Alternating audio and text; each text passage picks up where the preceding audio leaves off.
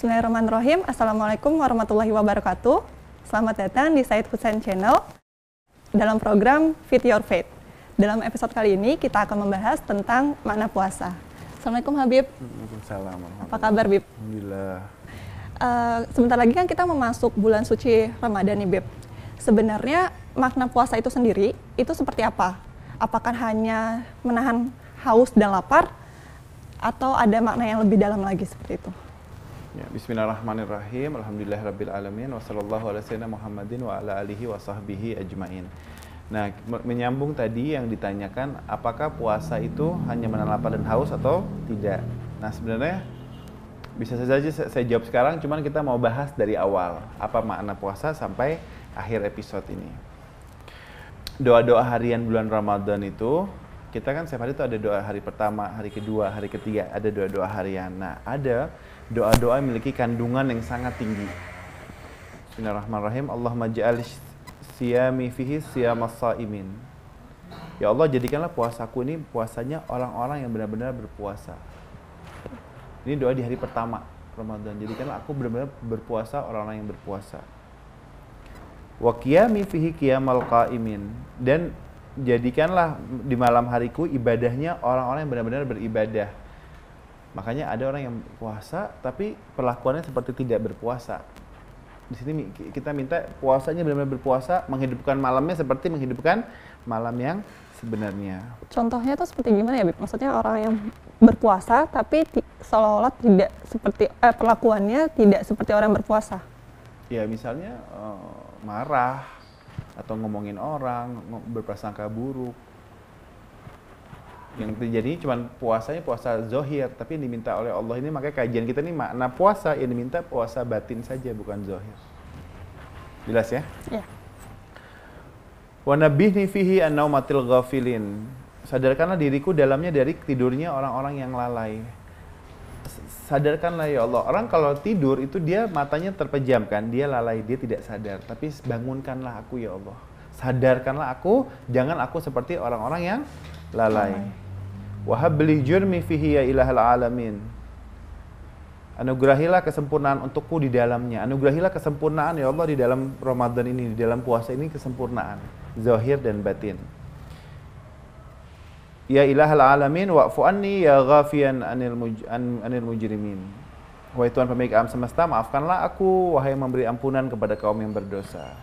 Dari doa-doa ini, kita diajarkan mengingatkan kita dari puasanya orang-orang yang lalai. Ya ini saat kita masuki bulan yang agung ini bulan Ramadan, kita harus bangun atau jaga wanabih nih, bangunkanlah. Karena dalam hadis itu dikatakan an-nasu niyamun idzamatu intabahu. Manusia itu tidur, ketika mati dia baru bangun. Hmm. Kita nggak mau sadarnya bangunnya ketika mati.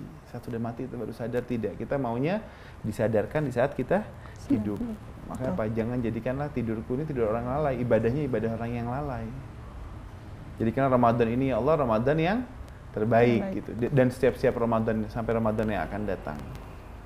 Akan tapi kita harus menjaga atau bangun secara batin dari sisi keimanan dan sisi agama. Sadarkan aku bukan sadar dalam hal fisik tapi hal dalam hal iman dan agama. Imannya harus upgrade. Dalam hal agamanya juga harus upgrade. Kita saya sudah bahas di beberapa beberapa episode uh, tentang Al-Qur'an. Itu dikatakan oleh Rasul, Allah membenci orang yang ahli dalam ilmu dunia, pintar dalam ilmu dunia tapi bodoh dalam ilmu akhirat. Karena tujuan kita semuanya untuk akhirat. Makanya Pak, bangunkanlah, sadarkanlah secara batin, secara iman dan agama. Karena itu dari pertama, dia minta apa pun, kecuali kita meminta kepada Allah, agar kita bangun atau disadarkan dari puasanya orang-orang yang lalai. Kita minta sama Allah nih, Allah jangan sampai saya menjadi orang yang lalai.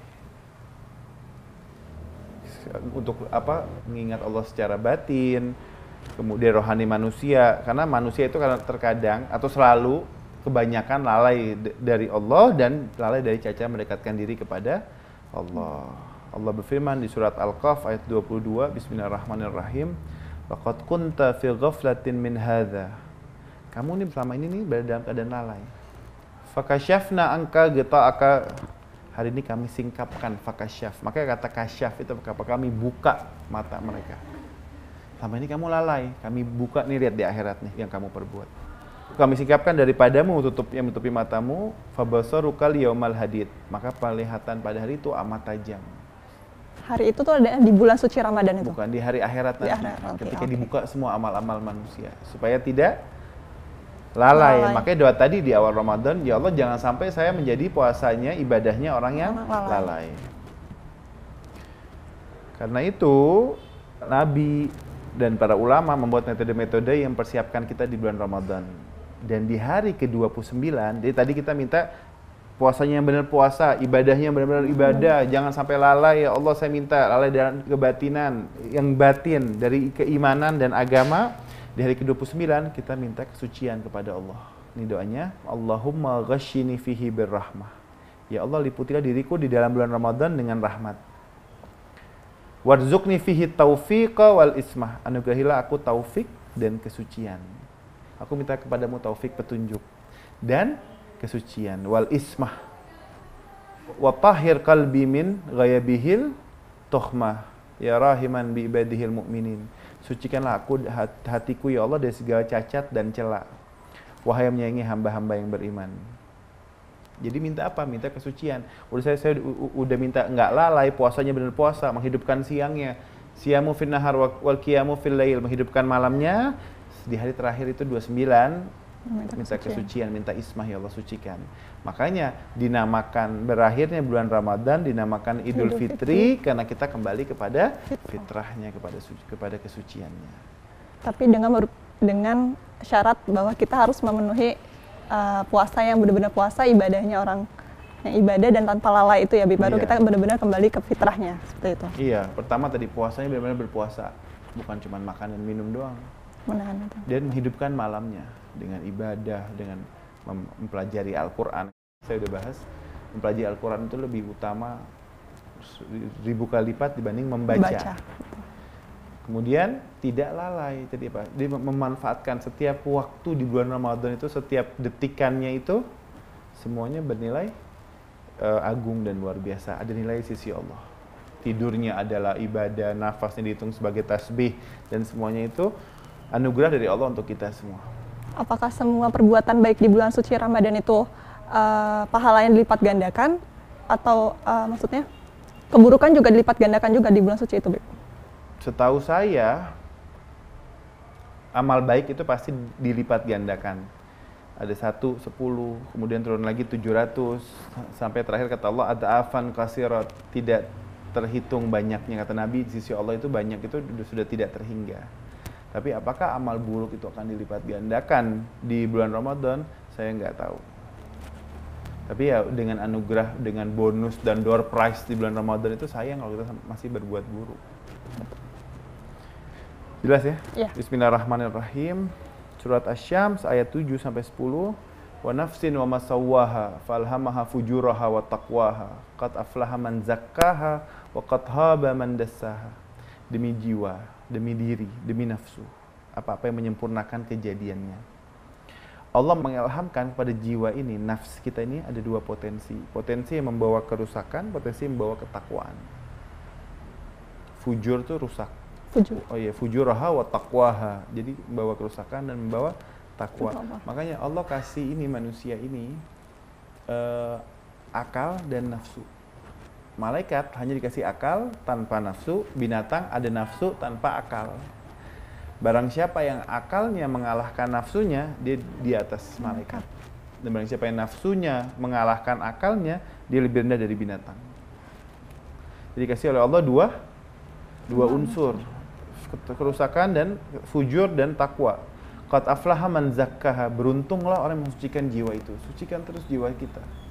Di ayat yang lain, innallaha yuhibbul mutatahhirin. Allah mencintai orang yang mensucikan dirinya, sucikan diri kita. Wa qad haba man dassaha dan rugi orang yang mengotorinya.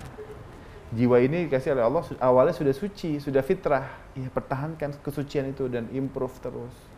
Karena rugi orang yang mengotori jiwa itu dia enggan menerima ke- kebenaran, dia enggan menerima kebaikan, tidak ada toleransi, tidak ada cinta damai, memperjuangkan keadilan dan kebenaran orang yang sudah selalu mengotori jiwanya. Perjuangannya itu ada azas manfaat atau azas untung untuk lebih mementingkan si nafs itu sendiri.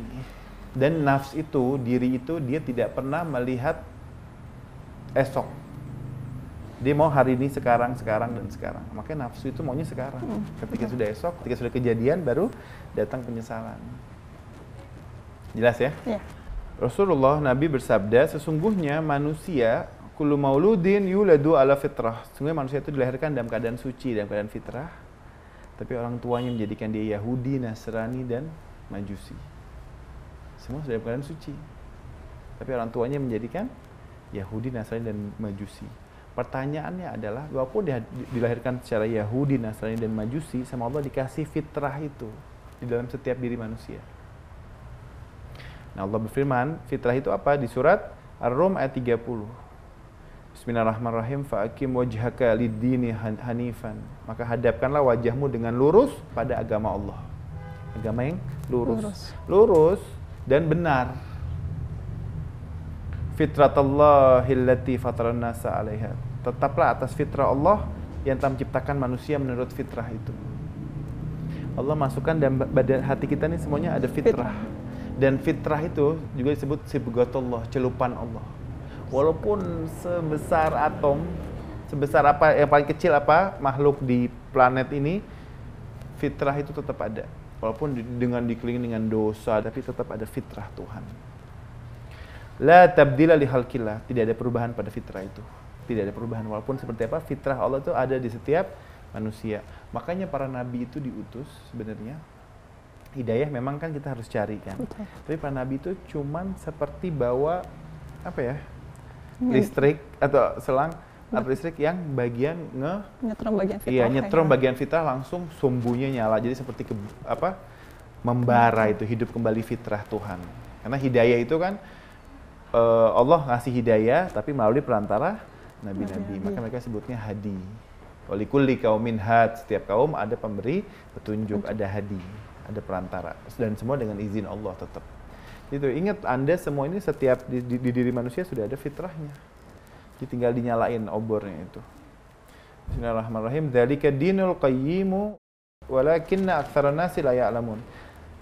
Itulah agama yang lurus. Ini agama yang lurus, agama fitrah. Kepada ajaran Allah. Lidini hanifah, agama yang lurus, agama yang benar. Benar. Tapi kebanyakan manusia tidak mengetahuinya. Orang tidak, tidak merasakan fitrah itu. Orang nggak tahu gimana mana yang ini, mana yang itu. Karena kita juga se- serangan fajarnya dua. Pertama dari nafsu tadi, Mm-mm. kedua dari setan yang selalu menggoda kita jadi luar dan dalam. Orang lagi hajar keras nih, uh ibadahnya lagi rajin, nanti satu waktu turun, Turun betul. naik turun, naik turun. Karena Itu godaan ibadah. setan itu. Iya, godaan setan dan nafsu Setan. manusia lagi lagi malas, ya udah deh. Mm-mm. Oh rajin baca Qurannya Eh, satu hari lima juz nanti nggak ketemu lagi sama Quran sampai tiga bulan lagi jelas ya Iya, jelas. saya pikir itu sampai sini dulu di kajian kita Terima kasih Habib atas penjelasannya. Alhamdulillahirobbilalamin. Uh, untuk episode kali ini kita sudah selesai. Jika ada pertanyaan dari teman-teman, silakan tulis di kolom komentar.